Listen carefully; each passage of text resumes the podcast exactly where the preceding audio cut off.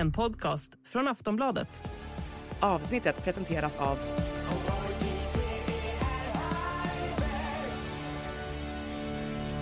Stödlinjen.se, åldersgräns 18 år. Hej och välkommen till Åsiktskorridoren, en ledare från Aftonbladets ledarredaktion. Idag pratar vi om terrordådet. Vi pratar om Polen.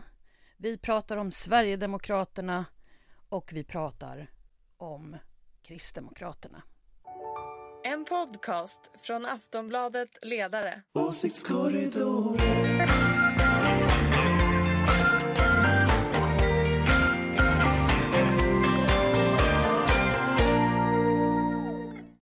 Välkommen till Åsiktskorridoren, en podd från Aftonbladets ledare och din pannlampa i det politiska höstmörkret. Med mig för att bringa lite ljus finns som vanligt vår panel med några av landets skarpaste politiska kommentatorer. Eh, från den gröna och liberala tankesmedjan Fores, Ulrika Schenström, oberoende moderat precis som alltid. Ja, här är jag. Från Aftonbladets oberoende socialdemokratiska ledarredaktion, Jonna Sima. Och här är jag. Och från den samma oberoende socialdemokratiska ledarredaktion, Aftonbladets politiska chefredaktör Anders Lindberg. Ja, Tillbaka från Polen, vi får anledning att återkomma till detta. Eh, själv heter jag Ingvar Persson och skriver till vardags ledare i Aftonbladet. I den här podden begränsar sig mitt uppdrag dock till att ställa frågorna. Eh, och jag tänkte vi måste börja med att ta upp mordet i Bryssel igår kväll. Kommer det som har hänt att påverka tonen i svensk politik, Jonna Sima? Ja, eh, det verkar inte bättre eller, eller sämre. Jag vet inte vad man ska välja, men det har ju redan blivit en politisk fråga här i Sverige. Eh, dels så är det ju en sverigedemokratisk eh, riks, eh, riksdagsledamot som är väl eh, tänkt som att vara Jimmy Åkessons efterträdare, eh, Jessica Stegerud, som skrev en tweet direkt efter attentatet och liksom peka ut Fredrik Reinfeldt ungefär som ansvarig för, för att något sånt här kan ske, alltså med Alliansens politik. Eh, och det var liksom helt oerhört. Eh, sen tog hon bort den tweeten, men eh, hon har liksom skrivit det och den eh, florerar runt och hon sitter fortfarande kvar i riksdagen. Det, jag hoppas att, det inte, att hon inte gör det länge, länge till. Anders? men jag vet inte. Alltså det, det är ju sådana här händelser är ju fruktansvärda och det är klart de påverkar ju på djupet. Eh, sen är ju frågan liksom vad vart det leder, det vet inte jag. Eh, det verkar ju inte som, som Jonna säger som att Sverigedemokraterna tänker tagga ner sin retorik eller, eller så. Eh, Richard Jomshof har ju valt ut mig istället och hacka på mig. Eh, Stegerud valde ut eh, Reinfeldt. Alltså det, det är ju, finns ju liksom ingen som helst eh, självkritik från det hållet. Så.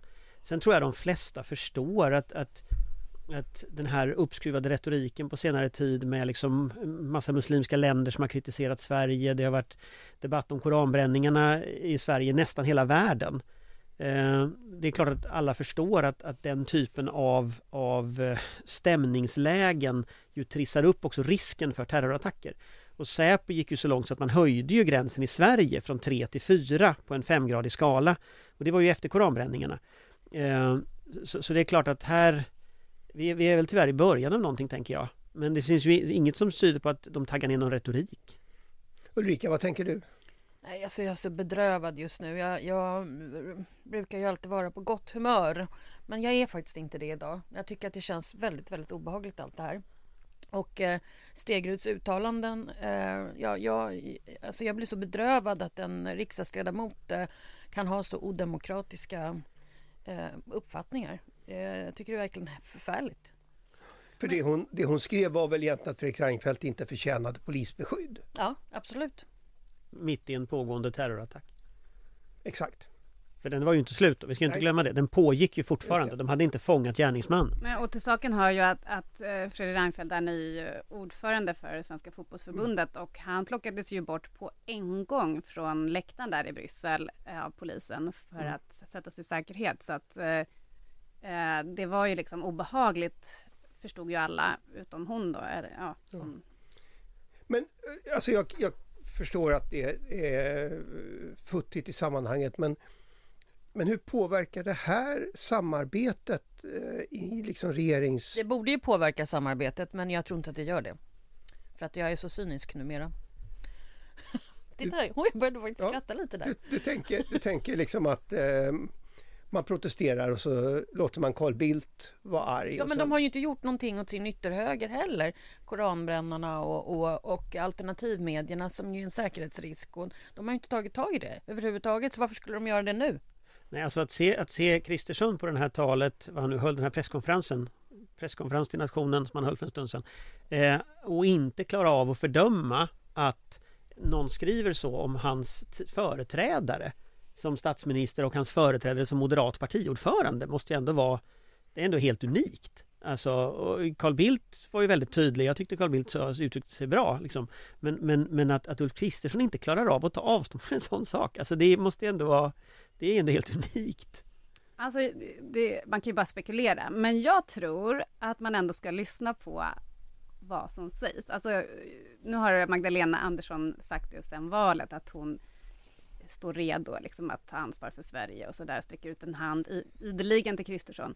Jag tror ändå att när hon säger det så ska man nog ändå lyssna. Att det, är, det kan vara så att det till slut inte håller det här regeringssamarbetet liksom, NATO funkar inte, säkerhetspolitiken funkar inte med SD. Eh, överhuvudtaget så går det ju väldigt uselt för den här regeringen. Så att eh, jag, ska, jag vill inte ändå tänka att det, är o, ja, att det är omöjligt att det skulle bli en ny slags regering faktiskt. Mellan, Du tänker att. Kristersson en vacker dag flyttar ut ur Sagerska? Nej, det kanske han inte gör, utan att, att eh, det, det sker någon slags regeringsombildning. Men jag vill också säga, för att om vi nu ska prata om regeringsansvar, jag tycker någon måste ju få gå på UD eller vem det nu är som har ansvar för att förberedelserna inför den här matchen eh, inte var tillräckliga. Eh, det var ju ingen som var liksom, förberedd på att något sånt, här, något sånt här skulle kunna hända, verkar det som. Det fanns ju ingen extra säkerhet på matchen och så vidare och då har vi ändå den här eh, förhöjda, ter- ja, förhöjda terrorhotet, eh, terrornivån eh, och att, att någon då från Sverige inte har informerat den belgiska polisen om det här. Alltså det känns som otroligt illa skött.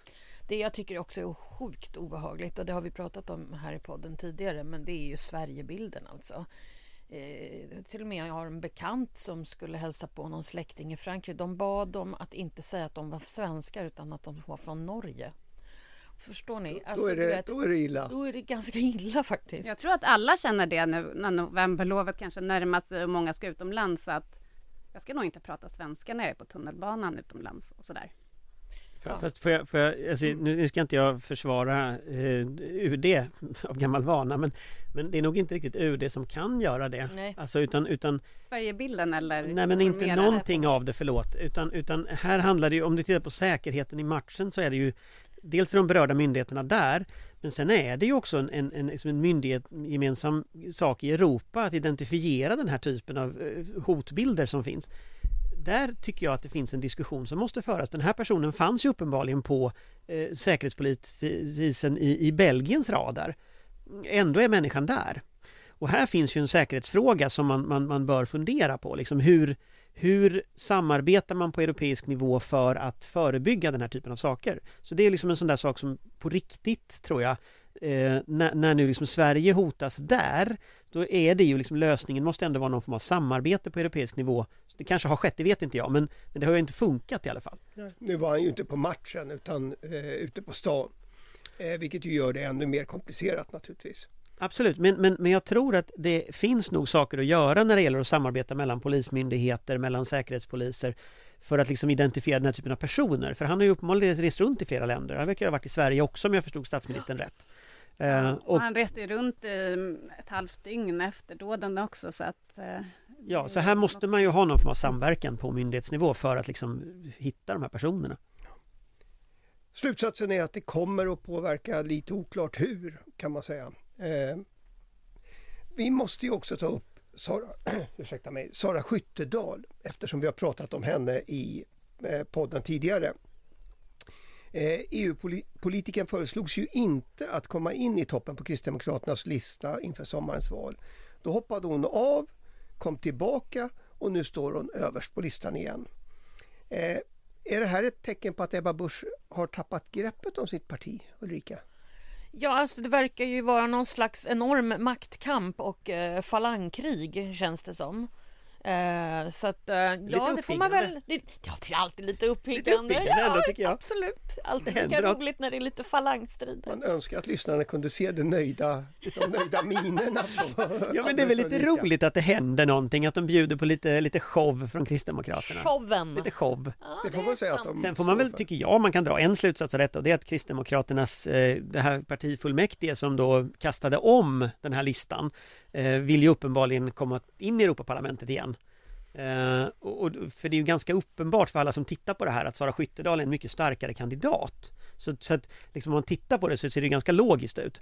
Men det verkar ju som att Ebba Busch har försökt peta henne och liksom hon sa ingenting till den här eh, medlemsomröstningen. Hade hon tydligt sagt att hon ville ha henne omvald så hade hon naturligtvis blivit det eh, av den här medlemsomröstningen. Så det känns ju liksom som att, som att någonstans ändå de har någon slags livskraft kvar i partiet. Jag tycker det är roligt. Men är det, är det ett problem för ett parti att man har en medlemsomröstning och sen eh, kommer fullmäktige då nästa nivå och, och säger att ja, vi skiter väl i vad ni har sagt. Det är ju Jonna. oerhört fnissigt. Alltså, Ja.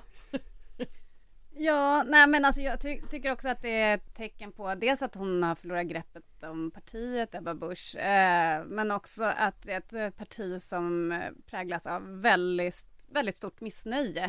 Eh, man har ju haft eh, en otroligt deprimerande höst eh, opinionsmässigt. Man hamnar liksom ständigt under 4 procent.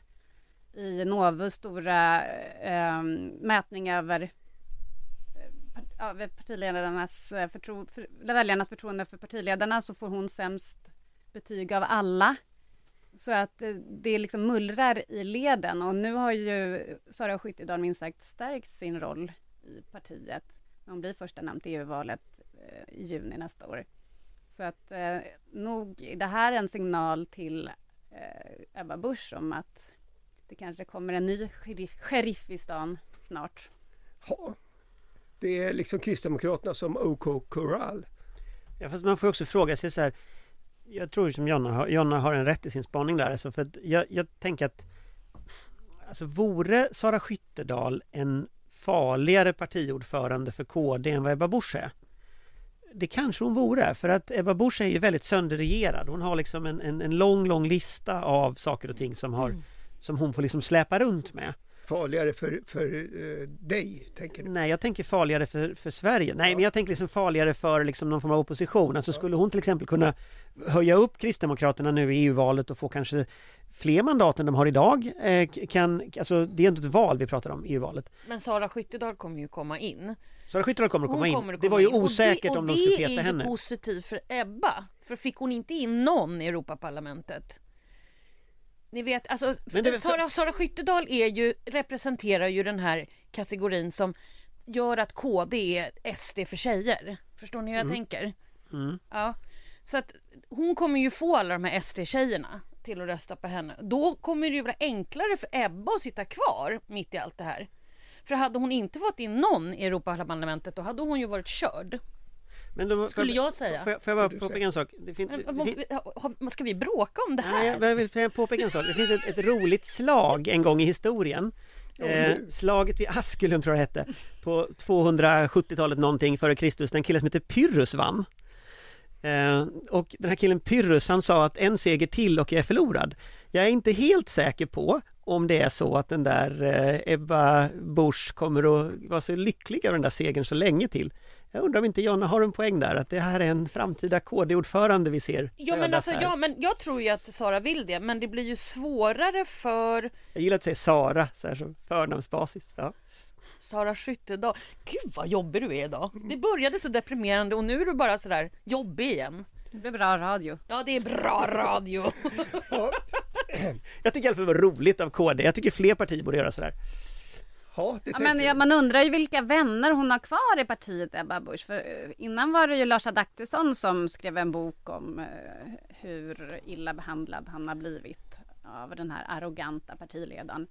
Eh, och sen nu är det Sara Skyttedal och eh, Johan Ingerö, den förre partisekreteraren. Han är inte där längre. Han är inte där längre. Nej men eh, Han har vännerna inte faller skrivit någon ifrån. bok ännu. Nej, Jag tycker ni han är nog den typen nu. som faktiskt kanske kommer skriva en bok. Jag är för deprimerande.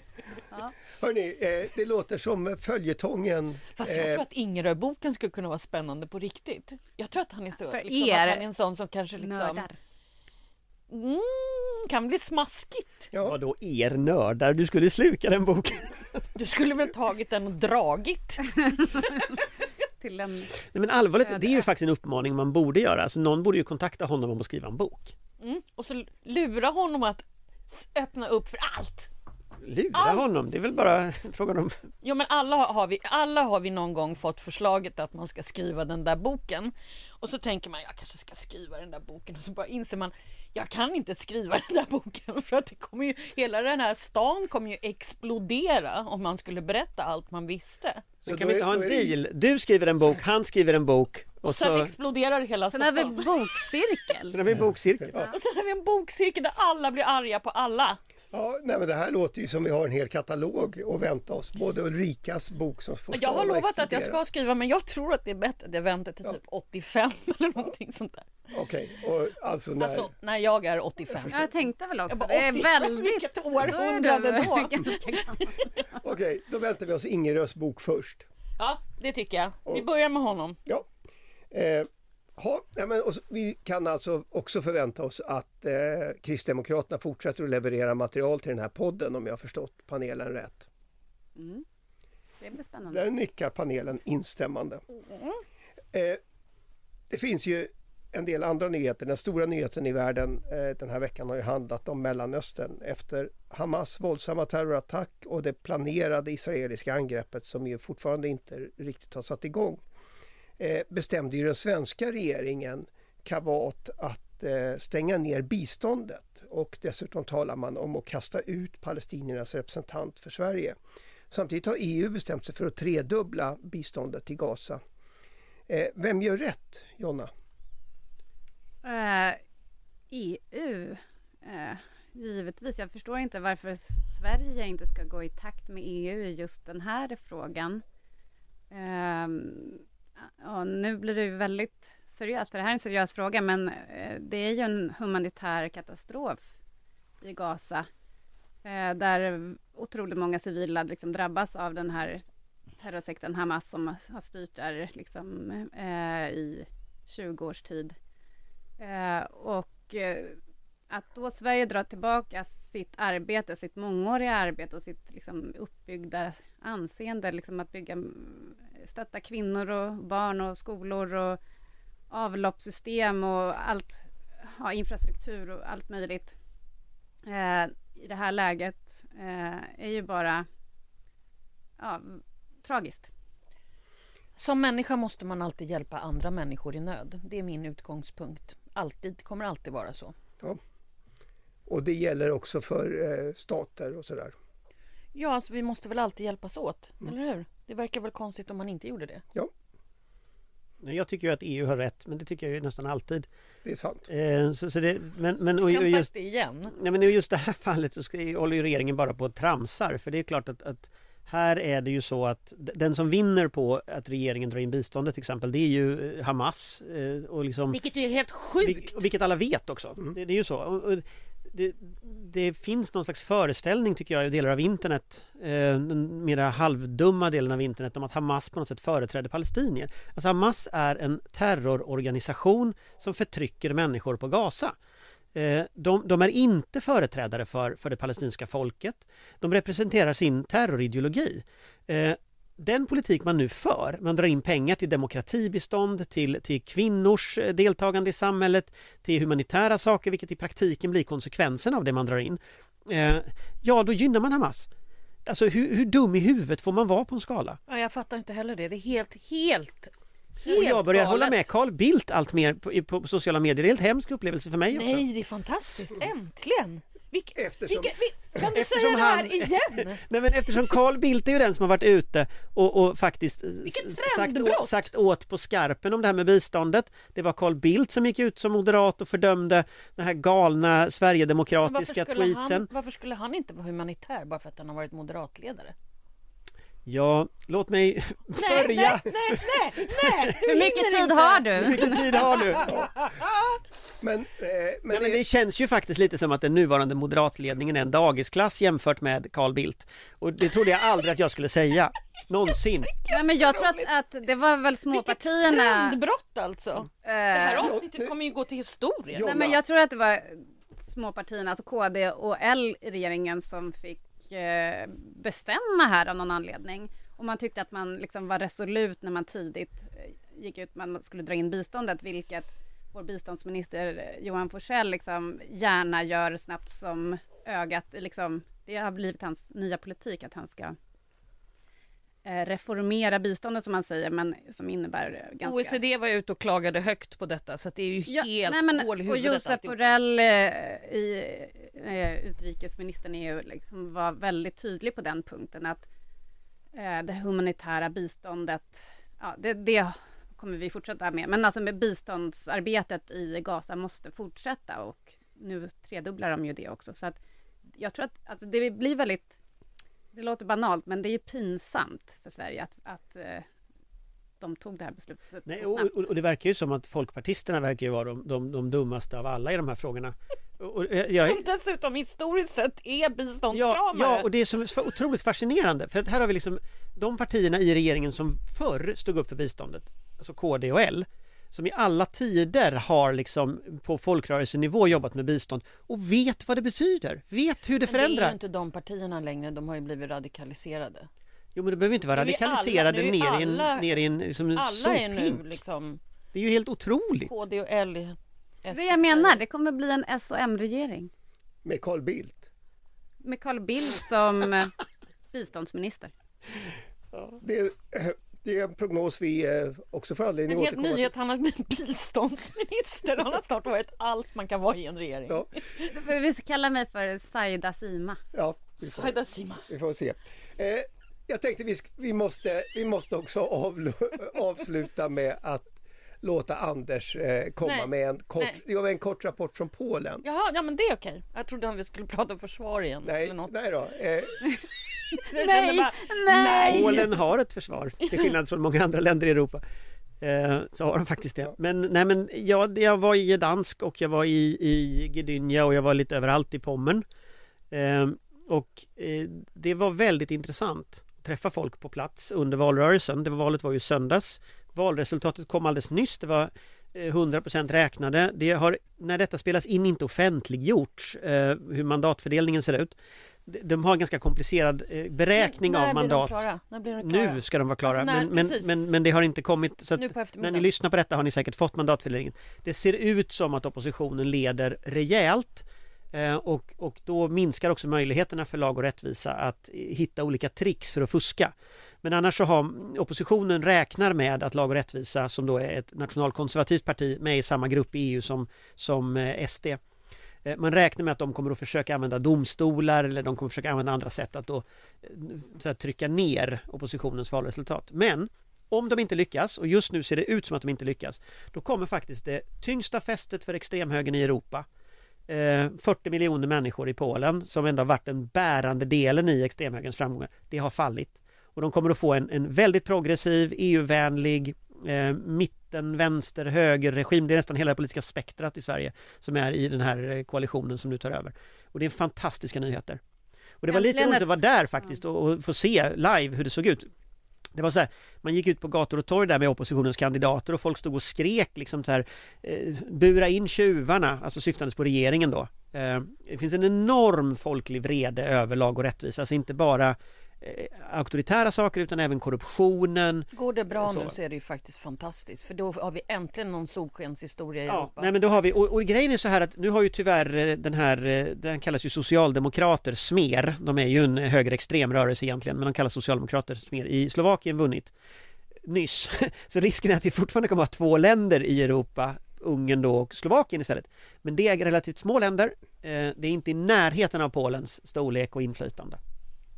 Nej, men det är verkligen en, ett ljus i mörkret. Ett litet Eh, ljus i Jag tror mörkret. att om det här, Göran Persson brukar ju återkomma i den här podden, men jag tror att hans bok eh, Mitt liv, mina val, eller vad memoarerna heter, då har han en lång utläggning om Polen, varför det är så viktigt att det går bra för Polen, liksom. då går det bra för Europa ungefär. Och eh, det känns ju väldigt kul det som händer här. Eh, och vi skämtade lite här att det kanske kommer resas en staty över Donald Tusk som har faktiskt samlat den här brokiga oppositionen till en valseger och eh, ja, kanske den Och hamnar det- i Gdansk. Och, det, och, och med det så Mm. måste man ju tillägga att det ger ju också näring och hoppfullhet till oss som är lite opposition mot sakernas ordning i landet här. Att man Ja, måste samla sig. Och det visar ju verkligen att motstånd är meningsfullt. Alltså, och skillnaden tycker jag mellan den polska liksom, oppositionen mot lag och rättvisa och den svenska oppositionen mot den här SD-styrda regeringen den är ju väldigt tydlig på det att där har man liksom gått emot varje steg. Man har samlat folkrörelser varje steg. Lite påminner om den opposition i Sverige idag som finns mot angiverilagen. Att liksom man har samlat brett eh, en stor grupp människor, en folkrörelse mot regeringsförslag. Och, och här tänker jag att här måste ju oppositionen, alltså de oppos fyra oppositionspartierna i Sverige, de måste ju prata med varandra. Och de måste ju prata med den här brokiga rörelsen som är emot de auktoritära reformerna. Och det är det som har hänt i Och- Polen varje steg i, i liksom, som har gått. Alltså inte att komma tillbaka när nästa val är, utan börja nu och med det motståndet.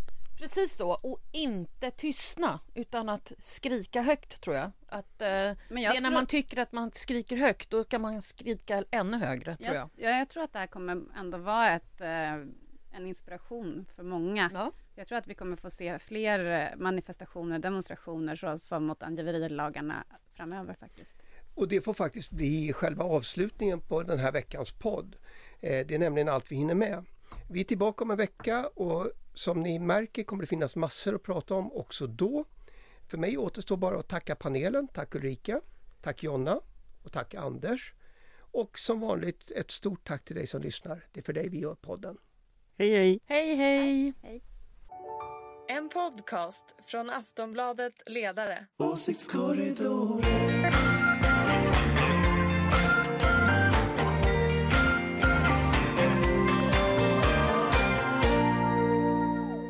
Du har lyssnat på en podcast från Aftonbladet.